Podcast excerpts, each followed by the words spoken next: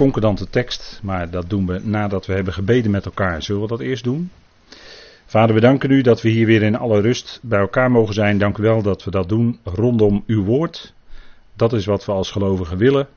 Als we bij elkaar komen, dan is het dat ene woord van u dat centraal staat. En dat willen we ook graag, Vader, ook vanavond doen. Als we kijken naar de brief die Paulus ooit schreef aan de Filippenzen. Een belangrijke brief die hij in gevangenschap schreef. We danken u voor de geweldige rijkdom die ook daaruit naar voren komt. En dank u wel dat we ook mogen leren in dit voor velen toch lastige gedeelte. Vader, dank u wel dat u ons daar wijsheid in licht in wil geven. Geeft u daartoe ons een geopend hart, een luisterend oor. En dank u wel dat u ook wijsheid wil geven in het overdragen, in het spreken. Dank u wel dat u ook bij hen bent die er vanavond niet bij kunnen zijn. U weet de oorzaak, de reden. En dank u wel dat u ook daar bent waar zij zijn. We danken u, Heer, dat u voorziet in wat nodig is en wijsheid geeft. Dank u wel dat we mogen danken voor dat woord. En we bidden u dat het snelle voortgang mag hebben door Nederland en ook daarbuiten, Vader. Dank u wel dat we daartoe middelen mogen inzetten. Dank u wel dat u dat wil geven. En dank u wel, Heer, dat u harten bereikt, dat u mensen bereikt. En dank u wel, Heer, dat we mogen opzien naar u, wetend, Heer, dat u het hoofd van het lichaam bent, de uitgeroepen gemeente. En dank u wel dat we door u tot de Vader mogen naderen, zelfs in alle vrijmoedigheid. En dat we u, Vader, mogen danken, dat u de Vader van de heerlijkheid bent. En dat u ons bestemd heeft tot heerlijkheid van u. Vader, we danken u daarvoor. En we danken u voor die rijkdom aan genade die u schenkt in uw geliefde zoon. We danken u daarvoor in zijn naam. Amen. Goed, wij lezen met elkaar dat stukje uit Filippenzen 2. En wij lezen in de concordante Nederlandse vertaling. Laat immers deze gezindheid in jullie zijn, vers 5, die ook in Christus Jezus is, die in de vorm van God die hem eigen is, het aan God gelijk zijn geen roof acht. Niettemin maakt hij zichzelf leeg en neemt de vorm van slaaf aan. In de gelijkenis van de mens geworden en in de gedaante als mens bevonden, verootmoedigt hij zichzelf, gehoorzaam worden tot aan de dood, ja, de dood van het kruis.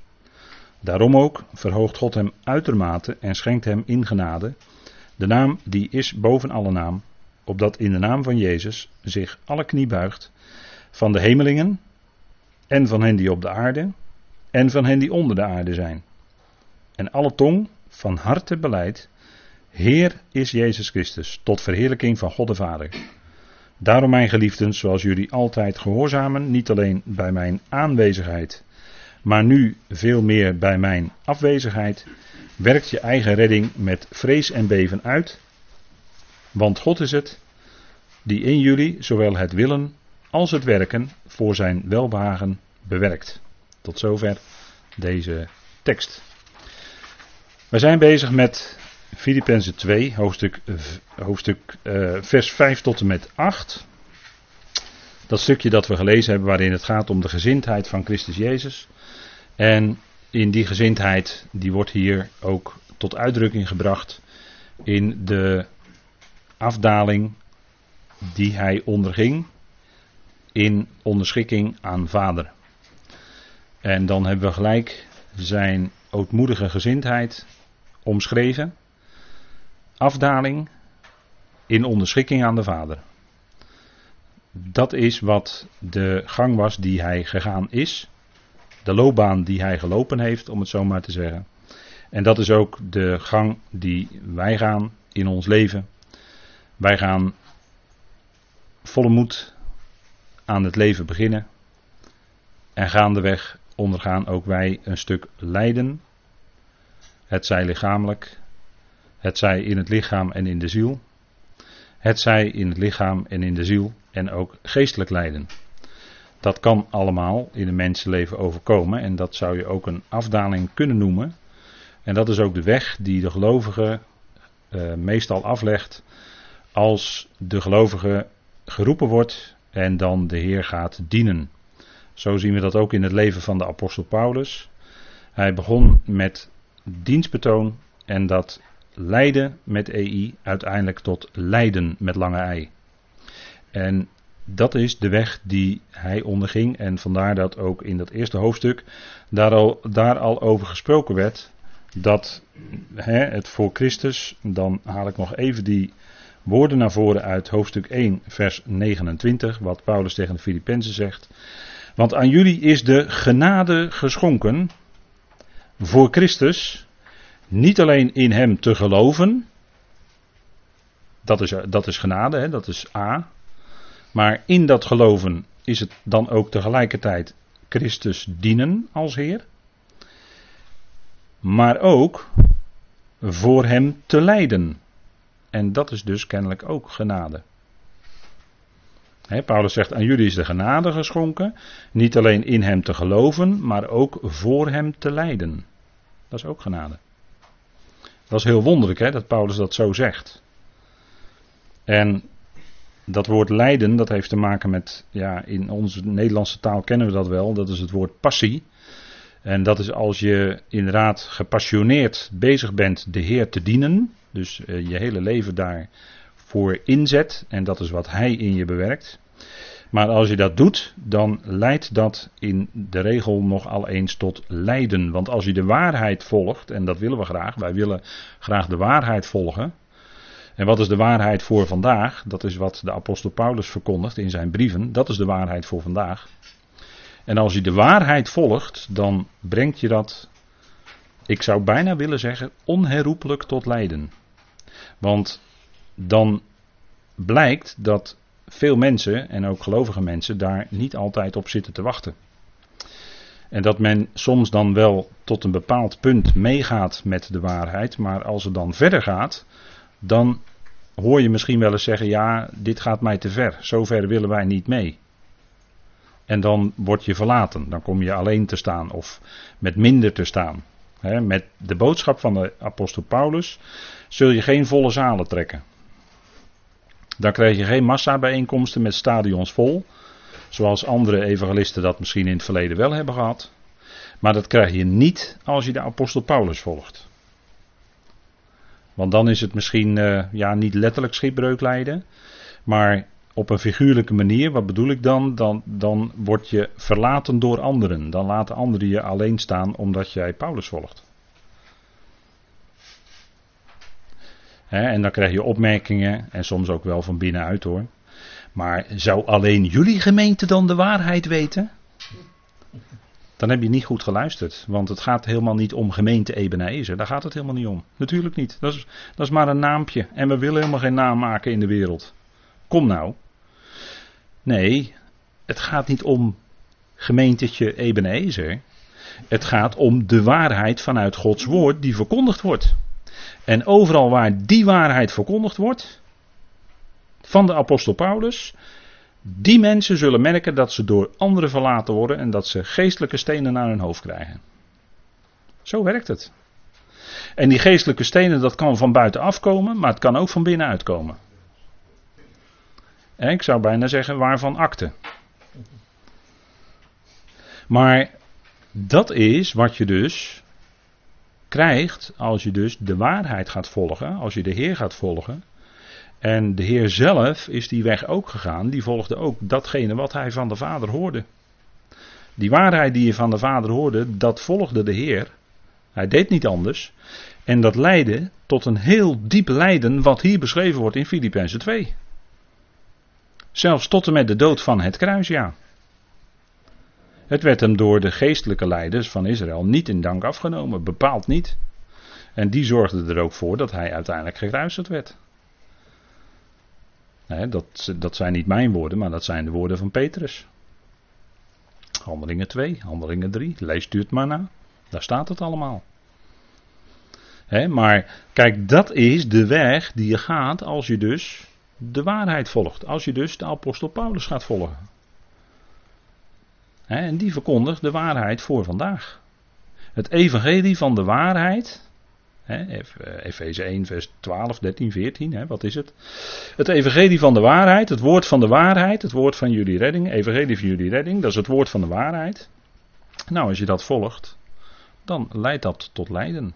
Dan word je door je familieleden verlaten. En dan word je misschien later ook door gelovigen verlaten. Dat kan allemaal. Dat gebeurt allemaal. maar dat is de weg. En dat is geen gemakkelijke weg. Maar dat is wel de weg die dan. waarvan je merkt dat dan die weg jouw deel wordt. Hè? Dat dat onderdeel wordt van kennelijk de loopbaan die je loopt. We kijken naar de tekst en dan gaan we even terug naar waar we de vorige keer geëindigd zijn. Dat is uh, die tekst uit uh, Colossensen. En daar valt nog wel iets over te zeggen, heb ik ook de vorige keer gezegd. Dus daar gaan we vanavond even iets dieper naar kijken. Ik heb dat afgedrukt hier op deze dia van deze dia-reeks. Dat is dia nummer 2. En u ziet daar de bekende taartpunt, hè, om het zo maar te zeggen. Als je die taartpunt weer in die taart schuift, dan is die taart weer compleet. Die taart is nu incompleet omdat die punt eruit is. Maar die taart is pas compleet als je die punt er weer inschuift. Dus die punt die er nu uitgesneden is, dat is het complement van de taart. Nou, dat is een heel eenvoudig voorbeeld uit het dagelijks leven. Om even aan u duidelijk te maken wat het woord complement betekent. Niet meer dan dat. Ik ben nu alleen bezig met het woord complement aan u duidelijk te maken. In het Grieks staat er dan een woord dat te maken heeft met het woord vullen in het Grieks. Dat is het Griekse werkwoord pleroo. Ik geef even de Griekse woorden er soms bij voor mensen die de band luisteren en kritisch luisteren. Ja, die vragen zich af wat staat er dan eigenlijk in het Grieks? Nou, dit. Kunt u zelf nakijken met, uh, met de NCV Bijbel app, hè, als u die heeft. En als u hem nog niet hebt, nou zorg dan dat je hem krijgt. Dan kun je hem zo downloaden van internet. NCV, prachtig uh, Bijbelstudie hulpmiddel. Kunt u zo in het Grieks nakijken wat er staat. Kunt u controleren wat ik zeg, want dat moet u doen. U moet controleren wat ik zeg. en er zijn ook hele andere goede hulpmiddelen tegenwoordig waarbij je zo bij de Griekse grondtekst kan komen. Dus dat is helemaal niet moeilijk. Je moet er alleen even wat tijd voor reserveren. Ja, inderdaad. Dan zet je avondje de televisie uit of zo. Of je, of je gaat je laptop, uh, doe je op je scherm uh, dat Grieks opzoeken. Hè? Daar kan je ook je laptop voor gebruiken. Je kan er van alles mee doen. Je kan er tv mee kijken. Maar je kan er ook Grieks mee opzoeken. Hè? Aanrader. Nou, complement. Dat is het woord wat te maken heeft met dat wat vult. Of dat wat aanvult, zodat het compleet wordt. Dus het ontbrekende wordt toegevoegd, zodat het compleet wordt. Hier in Colossense 2 staat Christus, wordt gesproken over Christus, want in hem, zegt Paulus dan, even, nu even los van de context daar, het gaat over filosofie en religie enzovoort. Christus is het antwoord daarop, want in hem woont het hele complement van de Godheid lichamelijk. Moeten we even goed opletten wat er staat. Er staat niet in hem woont de hele Godheid lichamelijk, want dat is wat de christelijke geloofsbeleidenissen u willen doen geloven. Maar er staat in hem woont het hele complement van de Godheid lichamelijk. Dat is een heel groot verschil. En dat is nou precies waar het over gaat. Hij maakt naar de schepping toe God compleet. Dat klinkt misschien heel raar als ik dat zo zeg. Maar God is geest, hebben we in de vorige keren met elkaar besproken. Johannes 4, vers 24 staat dat. God is geest, dat is een letterlijke waarheid. In Johannes 4 ontbreekt dan het Griekse werkwoord zijn. En dat wil zeggen dat het daar dus om een letterlijke waarheid gaat. God is geest en als zodanig is hij onhoorbaar en onzichtbaar. Wij als schepselen kunnen hem dan niet horen en niet zien. Er ontbreekt dus iets tussen God en de schepselen, dat is Christus. Hij maakt God compleet in die zin dat wij dan God kunnen waarnemen. We kunnen hem horen en we kunnen hem zien. Christus is het woord van God. Dat is een vergelijking, dat is een bepaalde vorm van beeldspraak. En hij is het beeld van God. Hij is dat is wat ook in Colossense 1 staat. Hè? Dat hij het beeld is, de zoon van zijn liefde, is het beeld van de onzichtbare God. Staat er dan. En als zodanig kunnen schepselen via hem God waarnemen. Dus zij nemen Christus waar en door hem zien zij wie de Vader is. Jullie die mij gezien hebben, hebben de Vader gezien, zei hij tegen zijn discipelen toen hij op aarde rondwandelde. Jullie hebben de Vader gehoord. De Heer sprak niets anders dan wat hij van de Vader hoorde. En dat gaf hij door. Dus hij maakte Vader, om het zo maar te zeggen, hoorbaar naar de schepselen toe. Naar de mensen toe. En als zodanig is Christus de ontbrekende schakel tussen God en de mensheid. Hij is de middelaar van God en mensen. Bekend woord hè. 1 Timotheus 2, vers 5 en 6. Hij is de middelaar tussen God en mensen. En zorgt ervoor dat ook die wederzijdse verzoening van die hele mensheid, van die hele schepping met God tot stand kan komen. Want datzelfde begrip wordt ook in Colossense 1 vers 19 gebruikt. Hè? Dat woord complement. Laten we het dan even daar opzoeken in Colossense 1, want het heeft alles te maken met die verzoening. Waar het daarover gaat, is natuurlijk Colossense 1 is een geweldig hoofdstuk. Daar worden de hoogste waarheden over Christus onthuld. Dan zit je echt aan de top wat God wilde onthullen. Dat kun je in de rest van de schrift niet terugvinden. Op die manier. En er staat dan, als het gaat over het hoofd van het lichaam, dat is Christus, want het hele complement, Colossense 1 vers 19, want het hele complement, dus dan gaat het weer over dat complement, hè, heeft er welbehagen in om in hem te wonen, dat is in Christus, en door hem, dus door Christus, door de zoon van zijn liefde, het al, dat is de hele schepping, alle schepselen, wederzijds met zichzelf te verzoenen, vrede maken door het bloed van zijn kruis, door hem, het zij wat op de aarde, het zij wat in de hemel is. En dat omvat heel de schepping. Daar is niets van uitgezonderd.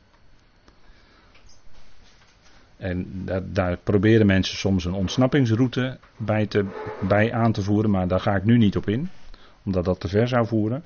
Maar hier gaat het om heel de schepping. Context, tekstverband lezen. Gaat om heel de schepping. Het zichtbare en het onzichtbare, alles is inbegrepen. Door hem, hè, dus door de zoon van zijn liefde, het al, dat is echt alles, wederzijds met zichzelf te verzoenen. Met wie? Met God. Vrede maken door het bloed van zijn kruis. Door hem, het zij wat op de aarde, het zij wat in de hemelen is. Dus totale verzoening van het al. Gebeurt door hem. En daar kun je niets aan afdoen. Daar kun je niets aan. Uh, daar kun je niets op in mindering brengen. Er is niemand en er is geen enkel schepsel wat voor eeuwig verloren gaat. Trouwens, die hele uitdrukking komt in de Bijbel niet voor hoor. Voor eeuwig verloren. Dat is wat men wel in evangelisatie, nou dan vind ik het al geen evangelisatie meer. Dat is wel eh, wat men in evangelisatie men u wil doen geloven, maar het staat niet in de Bijbel hoor, het is niet waar. Er gaat niemand voor eeuwig verloren. En heeft u een heel eenvoudig antwoord als men zegt van ja, maar die mensen die blijven in de tweede dood, die komen niet meer uit. Oh ja? In 1 Korinthe 15 vers 22 staat, zoals in Adam allen sterven, zo zullen ook in Christus allen levend gemaakt worden. Dat is allen, dat is iedereen. Niemand uitgezonderd. En die tweede dood, dat staat, in, dat staat vier versen later in dat hoofdstuk. Die tweede dood, die wordt opgegeven. Dat is de laatste vijand. Dat is gewoon de laatste vijand. Heel simpel. Dat is de dood, alle dood. Welke dood dan ook, of het nou eerste of tweede is, dat maakt niet uit. Alle dood gaat vernietigd worden, wordt buiten werking gesteld. Dat woord staat er dan, buiten werking stellen. Dat geldt voor alle dood, dat gaat allemaal, dat wordt allemaal overwonnen. Ook die allerlaatste vijand, nou dat is de tweede dood. Tel maar op. Het beest, valse profeet, tegenstander, al die mensen die vijandig waren, die zitten allemaal in die tweede dood. Heb je nog één vijand over, dat is de tweede dood. Dat is dus de laatste. En die wordt ook teniet gedaan, zegt Paulus daar. Dus dat is dan de laatste vijand die buiten werking wordt gesteld. En dan wordt God inderdaad alles in allen. Ja, alles in allen. Allen. Zonder uitzondering. Context sluit dat uit. Dat er uitzonderingen gemaakt kunnen worden. En dat is de totale overwinning die behaald wordt en die hier ook beschreven wordt in Colossens 1. De verzoening. Dus iedereen komt in die verzoende relatie met God uiteindelijk. God zal zijn alles in allen. De totale overwinning over het al. Alles is daarin inbegrepen. Nou, nu kunnen we eigenlijk gewoon vanavond wel weer stoppen. Hè? We hebben wel weer genoeg gehoord. Dit was wel weer genoeg evangelie. Hè? We kunnen wel weer naar huis. Tenminste, ik denk dat u daar blij mee bent. En dat u dan blij naar huis gaat. Maar goed, we gaan nog even door. Dan kunnen we die blijdschap nog even vasthouden met elkaar. Hè? Dat is ook wel fijn. Hè? Dan gaan we even terug naar Colossense 2 vers 9. In hem, dat is in Christus, woont het hele complement van de Godheid Lichamelijk. Je moet Paulus wel volledig laten uitspreken. En dat doen veel mensen niet. En daarom komen ze in de problemen. Dan, denk, dan uh, weten ze maar de helft van wat Paulus zegt. Dan denken ze dat er staat, want in hem woont de hele Godheid lichamelijk. Maar het staat er niet. Er staat het hele complement van de Godheid woont in hem lichamelijk. Dat is heel belangrijk dat dat er zo staat, natuurlijk. want later kwam pas de afwijkende leringen. Paulus wist niks van een drie-eenheid hoor. Die wist wel van een één God die die kende. Eén God. Die ene God, het Shema, dat kende hij zo goed. De ene God, de God van Israël. Hoor Israël, hoor, de Heere uw God is één. Echad. Dat is één God. Dat is, dat is die wij kennen als de Vader, uit wie alles is. En dan zijn daarnaast ook nog goden. Jawel, natuurlijk, er zijn ook nog goden. Jawel hoor. En ook Christus, die wordt bij gelegenheid God genoemd. Hebben we ook gezien, hè, Hebreeën 1. Dat tot de zoon gezegd wordt: Uw troon, o God. Wordt tegen de zoon gezegd, hè. Maar dat is relatief. Dat is niet de absolute allerhoogste, want dat is zijn vader. Dat is er maar één. Vandaar dat de schrift uitdrukkelijk verklaart dat er maar één God is. Dat is de allerhoogste. Dat is Yahweh. Die zich ook bekend maakte als de God van Israël. Ik ben die ik ben. Dat is de Allerhoogste. En hij heeft een zoon, Jezus Christus onze Heer. En die mag bij gelegenheid als God optreden. Maar nooit als de Allerhoogste, maar dat is altijd afgeleid. Dat is altijd een trapje lager. En dat geldt ook voor Israël zelf, Psalm 82. Daar staat: Jullie zijn goden, wordt tegen Israël gezegd. En dan moet je weten wat het woord God ook betekent. Dat is niet G-O-D, maar dat betekent onderschikker. Of plaatser in het Grieks. Hè. Theos is plaatser, plaatstoewijzer. Al in het Hebreeuws is de onderschikker. En dat heeft te maken ook met kracht. Hè. Kracht om te kunnen onderschikken. Dat zit ook in dat begrip al. Ja, er zit veel meer in, maar goed, dat gaan we vanavond ook niet. Anders voert het ook veel te ver. Maar het punt is dat in Colossense 2 staat dat in hem het complement van de Godheid lichamelijk woonde. En hij was dus niet toen hij op aarde was volkomen God en volkomen mens. Want wat ik nu citeer is de leer van de drie-eenheid. En die kunt u zo in de uitleg van de Bijbel in bepaalde boeken terugvinden. Maar dat is de uitleg van de leer van de drie-eenheid, die niet schriftuurlijk is. Staat nergens in de Bijbel.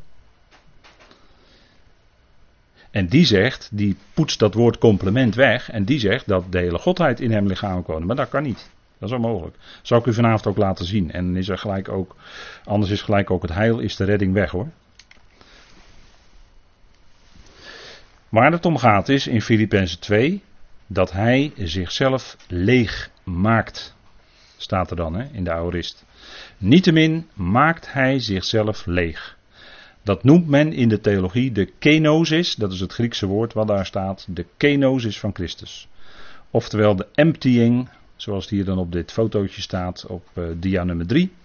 De kenosis, de emptying of Christ. Hè. Dat is een bekend theologisch begrip. Maar dat woord kenosis, dat staat ook in Filippenzen 2. Dus dat komt wel uit de Bijbel. En het punt is, waar men dan eindeloos over heeft gedebatteerd in de eerste eeuwen van het christendom, is over wat, wat en wie Christus nu precies was toen hij op aarde rondwandelde. Dat was een heel zwaar theologisch punt. En daardoor is men uiteindelijk gekomen, na honderden jaren, tot een leer van de drie-eenheid. Die absoluut onbegrijpelijk is. En die niet in de Bijbel staat ook. Wat liet de Heer achter in zijn, hè, want er wordt gesproken over ontlediging, of lediging mag je zelf zeggen, hè, leegmaken. Wat liet hij achter? Hebben we vorige keer ook met elkaar gezien. Wat liet hij achter? Dat staat in Filippenzen 2. Wat hij achterliet, in vers 6 staat dat. Hij liet achter het aan God gelijk zijn. Dat was in zijn heerlijkheid zoals de profeten hem zagen, weet u wel? Ezekiel, Jezaja, die zagen hem in zijn heerlijkheid. Ontmoeten, soms ontmoeten hem, Mozes heeft hem gezien op de bergen in zijn heerlijkheid, Mozes. Uh, zo waren er wel meer die hem in zijn heerlijkheid gezien hebben. Dat was in zijn aan God gelijk zijn. En er wordt ook gesproken in vers 6 over de vorm van God. hebben we uitgebreid ook met elkaar gezien. Hè? Dat het het uiterlijk is, naar buiten toe. Het woord vorm zegt niets over zijn innerlijke wezen, maar het zegt over zijn uiterlijke verschijningsvorm. En dan gebruik ik dus weer het woord vorm. Maar zijn uiterlijke verschijning naar buiten toe, naar de schepping toe. Dat heeft hij achter zich gelaten.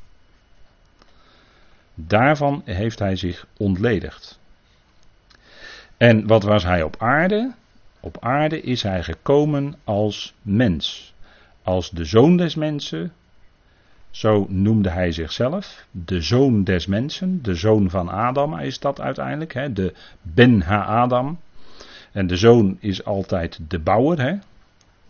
Ben is het Hebreeuwse woord dat afkomstig is van het Hebreeuwse werkwoord bana. En bana betekent bouwen. En ben is daarvan afgeleid, dat is dus de bouwer. De zoon is de bouwer. En in één adem zeg ik dan ook, de zoon is de erfgenaam.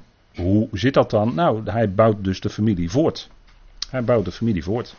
De oudste zoon was altijd de erfgenaam, de erfgenaam, de eerstgeborene, weet u wel. En we zien vaak in de praktijk dat het eerstgeboorte recht overgaat op de tweede. Esau en Jacob. Um, iets moeilijker is Peres en Zera. Die is iets moeilijker, hè? Genesis 38, weet u wel. Die hele geschiedenis met Juda en Tamar. Dan krijg je Peres en Zera en dan is toch de. Dan is er een omwisseling, laat ik het maar zo zeggen. Dan is er toch weer een omwisseling.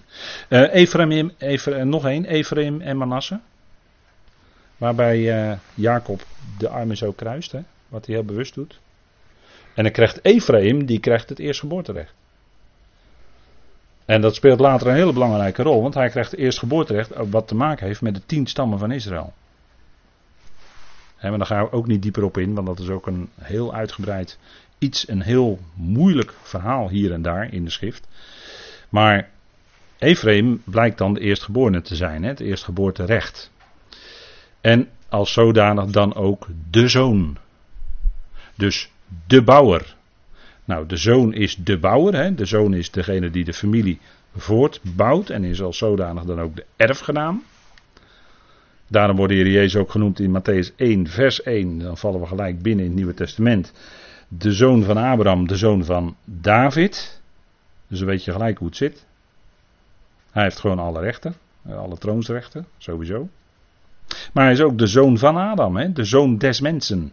En als zodanig heeft hij recht op de heerschappij over de hele menselijke mispoche, de hele menselijke familie.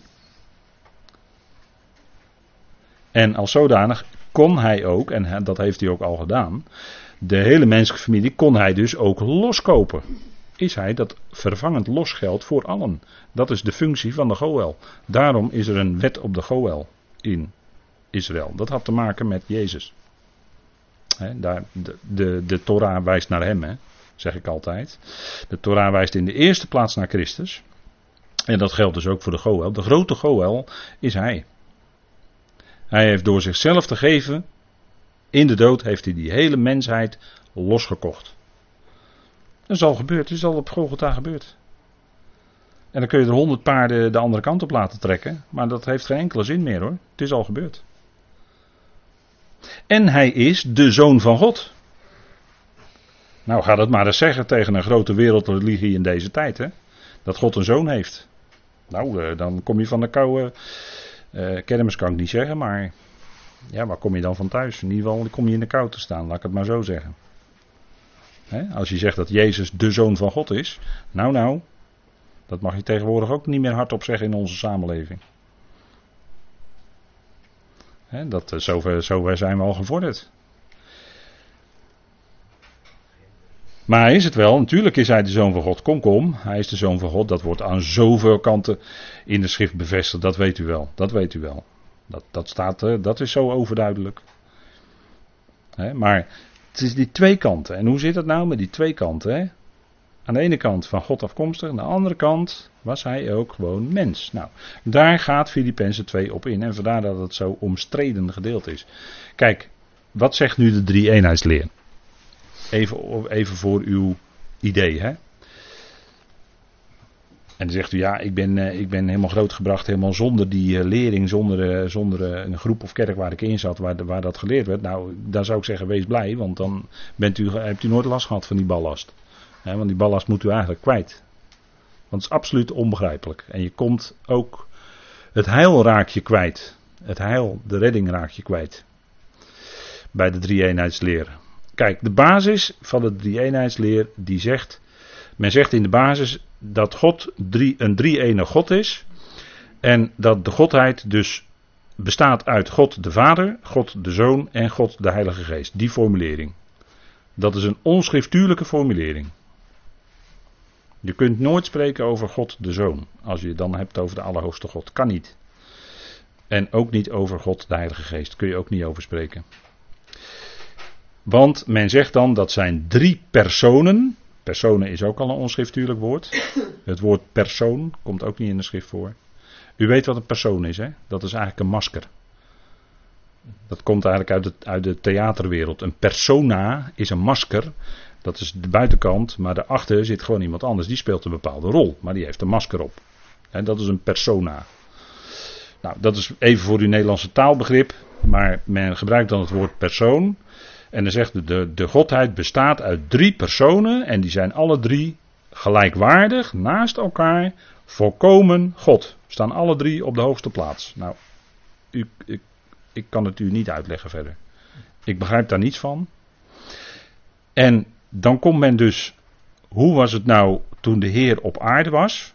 Want dan gaat men dus, daar is men in al die discussies, theologie enzovoort in de eerste honderden jaren, is men natuurlijk vreselijk, eh, was natuurlijk vreselijk moeilijk.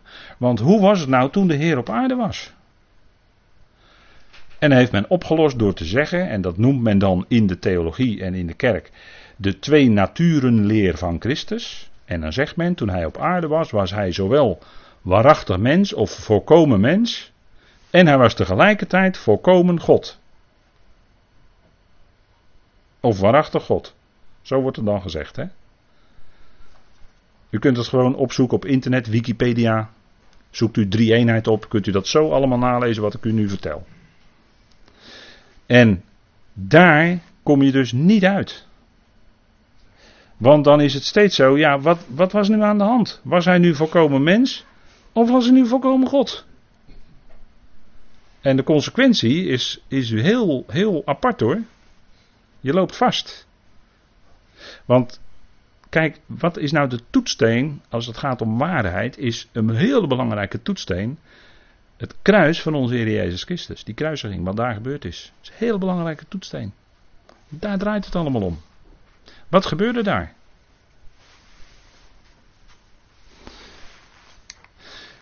Kijk, een stelling op grond van de drie eenheid is de drie-eenheidsleer ontkent in feite de dood van onze Heer Jezus Christus. Want, en dat hoor je dan ook wel eens zeggen, en dan denk ik van, mens, je weet niet wat je zegt. Men zegt dan dat God op Golgotha gestorven is. Dat kan helemaal niet. God is geest. God kan helemaal niet sterven. Dat is onmogelijk, absoluut onmogelijk. God is geest. Dat kan, dat kan toch niet? Stel dat, theoretisch, hè, stel dat het gebeurd was. Er, was. er was de hele schepping gelijk een einde. Want als God zijn geest terugtrekt, dan heeft niemand meer adem, dan is alles gelijk afgelopen. Als God zijn geest terugtrekt, hè, dan verliezen wij allemaal onze adem, de dieren gaan gelijk dood, alles. Kijk, zo groot is God. En dan kan je dus niet zeggen dat hij dus omdat je die drie eenheidsleer graag wil volhouden tot en met het kruis, moet je gaan zeggen dat God dus aan het kruis gestorven is. Maar die wilt u toch niet voor uw rekening nemen? Of is er dan een derde van God gestorven aan het kruis? Moeten we zo ver gaan? Dat, dat kan toch niet? Dat is toch onmogelijk? Je ontkent dan dus in feite dat de Heer Jezus Christus, omdat je zegt, hij was volkomen mens en was volkomen God, dat die aan het kruis gestorven is, dat kun je dan niet meer volhouden, dat loop je vast. En als dat dus niet kan, dan heb je geen redding hoor. Dan is niemand gered. Kijk, dat is de consequentie van die leer. En de aanhangers van die leer zullen het gelijk ontkennen met allemaal theorieën komen. Maar als je het gewoon even logisch doordenkt, dan kom je daaruit en je loopt muurvast. En daarom kun je ook zien dat het niet schriftuurlijk is. Het woord drie-eenheid staat ook nergens in de schrift. Als u het artikel in Wikipedia opzoekt, is dat een van de eerste dingen die in dat artikel ook gezegd wordt. Staat niet in de Bijbel, woord drie-eenheid. Nee, klopt, staat er ook niet. Kun je ook niet volhouden. En het gaat mij er niet om om mensen aan te vallen, maar het gaat mij er wel om om leerlingen die afwijken van Gods woord, om het daar een keer met u over te hebben. En de consequenties daarvan te laten zien aan u. Want u loopt er dan in gesprekken tegenaan. En dat is een heel heikel punt hoor. Dit vind ik een heel heikel punt. en dan uh, zeg je ja, die mensen denken nou eenmaal anders en dit en dat. Ja, maar het, het heeft enorme consequenties. Je kunt het niet volhouden. En er worden allemaal formuleringen bedacht, maar het zijn allemaal onschriftuurlijke formuleringen. En dan gaat men praten over persoon. En gaat men praten over inwezen. En dan gaat men praten over voorkomen. En dan allemaal begrippen worden erbij gehaald om te proberen duidelijk te maken. Maar het verduistert alleen maar. Het verheldert niet, het verduistert. Je raakt het kwijt. En daarom is het zo belangrijk om de schriften te volgen en om de uitspraken, daar wijs ik vaak op, om de uitspraken zoals die in de schrift staan, die vast te houden. En zodra je er buiten gaat proberen te omschrijven, te formuleren of een geloofsbelijdenis te maken, je loopt vast. Heel snel. Kijk, ik heb het hier op deze dia nog even wat verder voor u uitgewerkt. Dan kun je misschien iets makkelijker vasthouden wat op deze avond gezegd is. En dan ziet u het ook even voor ogen. Volgens de drie eenheid was hij op aarde volkomen mens en bleef hij volkomen God. We hebben een hele beroemde, bekende studiebijbel in Nederland, waar, waar heel veel werk in zit en waar heel veel goede dingen in staan. Maar daar wordt dit in de uitleg, wordt dit exact zo geformuleerd. Je kunt het zo terugvinden in de studiebijbel. God is geest, dus hij kan niet sterven. Dus stierf de Heer Jezus Christus ook niet in het echt. Want dat, dat kun je dan niet volhouden. Of dan ga je dus zeggen, God is aan het kruis gedood. Dat kan niet. En toen hij gestorven was, wie wekte hem toen op? Wekte hij zichzelf op? Dat kan toch ook niet? Dat kan niet hoor. Hij kon zichzelf niet opwekken uit de dood. Hij heeft de Heer gesmeekt onder sterk geroep en tranen, staat in Hebreeën. Degene die hem uit de dood kon verlossen. Dat kon hij. Hij kon zichzelf niet verlossen uit de dood. Kon hij niet, want hij was dood. Hij had geen bewustzijn. Totdat vader hem opwekte op de derde dag. Vader wekte hem op. Dat staat wel in de schrift. Vader wekte hem op. Hij werd opgewekt door God. Door zijn God en Vader. Hij werd opgewekt. En zo had hij leven in de opstanding. En was hij levend gemaakt. Door wie? Door de Vader. Dat kon hij zelf niet. En zo verlost de Vader hem van die dood. Dus zelfs de Heer Jezus Christus had in zijn dood verlossing nodig. Dat lijkt heel raar als ik dat zo zeg, maar het staat wel in de schrift. En Vader verloste hem uit die dood. En in hem hebben wij dan ook de verlossing. Inderdaad, ja, in hem. Omdat hij verlost werd door de Vader, hebben wij in hem de verlossing of de vrijkoping door zijn bloed. Door zijn lijden en sterven. Staat in Efeze 1, hè? In hem hebben we de vrijkoping door zijn bloed. En hij was zelf ook gewekt door vader uit de dood. Nou, en de Heilige Geest, ja, die gaat uit van de Vader en van de Zoon. De Heilige Geest is het, het, die, die bijzondere toedeling van de, van de Geest van God. Hè, die, die een bepaald aspect is en die heiligt en die een mens apart zet voor de dienst aan God. Dat is het werk van de Heilige Geest. Maar de Heilige Geest is niet zelf apart een persoon van de Godheid. Dat staat nergens zo in de Bijbel. Er, wordt, wordt vaak wel vertaald, en dat is helaas, moet ik toch zeggen, wat misleidend.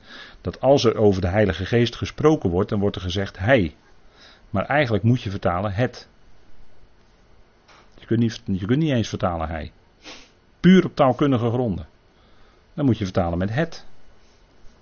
Maar met hij, dan wek je de indruk dat het gaat om een andere persoon. Maar dat is helemaal niet zo. Het gaat om die geest die van God uitgaat. Ja, dus even een paar gedachten bij zo'n lering, hè, die al in uh, eh, 325 na Christus is geformuleerd in de geloofsbeleidenis van Nicea. Geloofsbeleidenis van Nicea, weet u wel?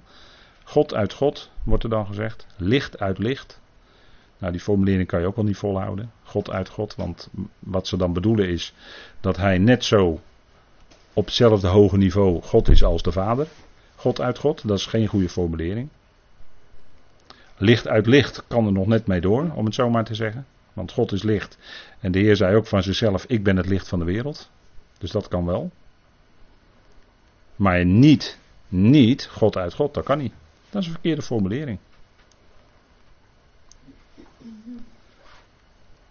maar mensen in de praktijk houden mensen meer vast aan geloofsbelijdenissen dan aan wat de schrift zegt. Als je dan met de schrift komt, dan loop je tegen de muur op. Want ze houden liever vast aan de geloofsbeleidenis.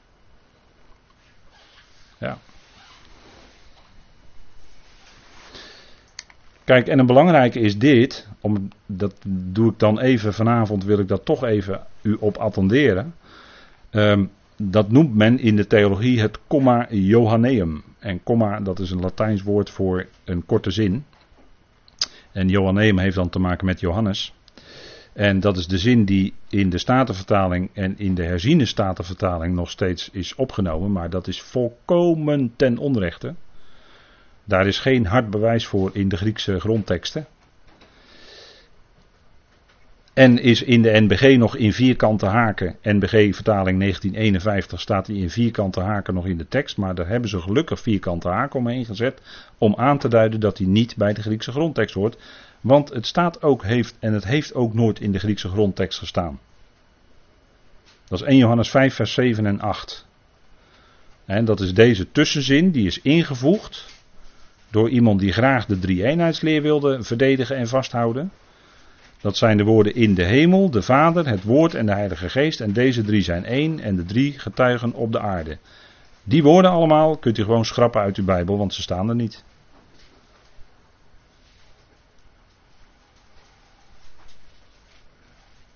Ja?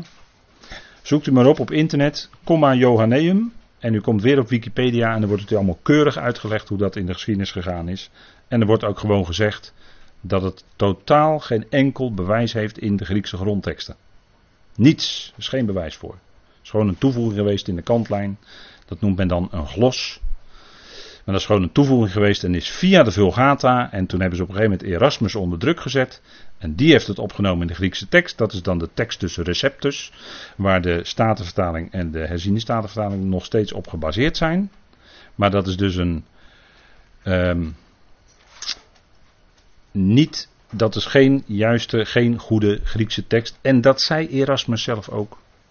Dat zei Erasmus destijds zelf ook. Dat zeg ik niet, dat zei Erasmus zelf toen. Maar die is toen onder druk gezet om dit erin te zetten. En dat is heel jammer dat dan die statenvertalingen herziene op de tekst tussen receptus gebaseerd zijn. Dat is heel jammer. daardoor staat nog steeds deze formulering erin die op deze dia in rode letters staat. Nou, als u een statenvertaling of herziene leest, en dat doe ik ook, moet u hem gewoon doorstrepen. Want het hoort er niet in. Het staat er gewoon niet in. Komt voor het eerst voor in de Vulgata van de 9e eeuw. De Vulgata, hè, dat is de Latijnse vertaling van het Griekse Nieuwe Testament, is het ingevoegd bewust in de Vulgata, in de Latijnse vertaling, in de 9e eeuw. Maar voor 1500 is het in geen enkele Griekse tekst terug te vinden. En het werd dus onder druk bij de Textus Receptus, bij Erasmus, werd het ingevoerd. En het ligt allemaal vast, het is allemaal, het is allemaal bewezen, het is allemaal teruggevonden. Ligt allemaal vast, dit, deze dingen. Het zijn gewoon de feiten. En zelfs in de nieuwste vulgata van 1979 is deze formulering ook al niet meer opgenomen. Dus de Rooms-Katholieke Kerk erkent het ook niet. Ja, dus dan heeft u nu de feiten hierover. Hè? Kom maar Johan nemen. Als u daarmee geconfronteerd wordt, kunt u gelijk van tafel vegen. Het heeft geen enkel bewijs. Niets. En we gaan, we gaan uit van de feiten.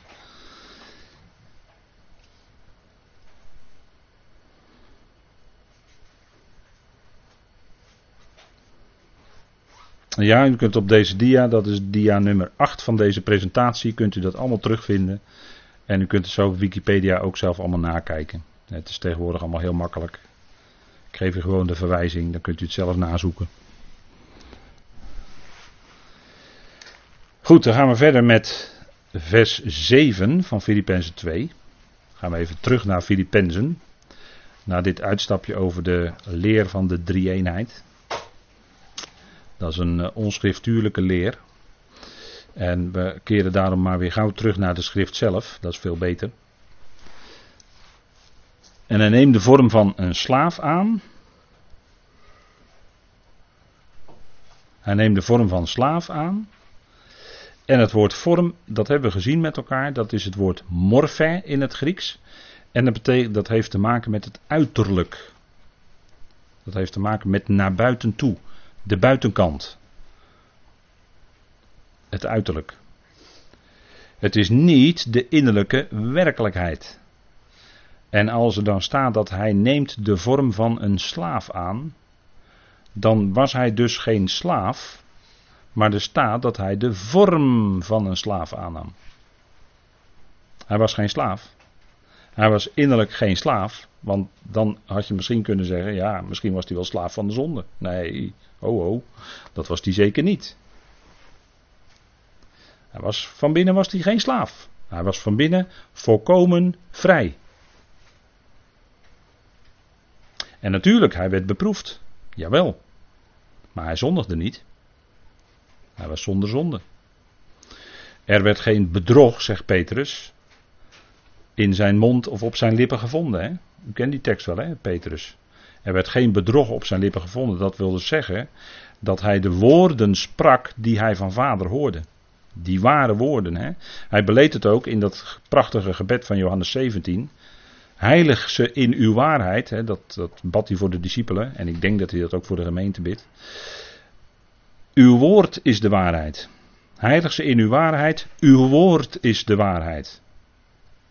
Dat woord van God, dat is de waarheid. Dat is, dat, dan zeggen we, met elkaar zeggen we dan, dat woord van God is de absolute waarheid. Dat staat dus boven ons.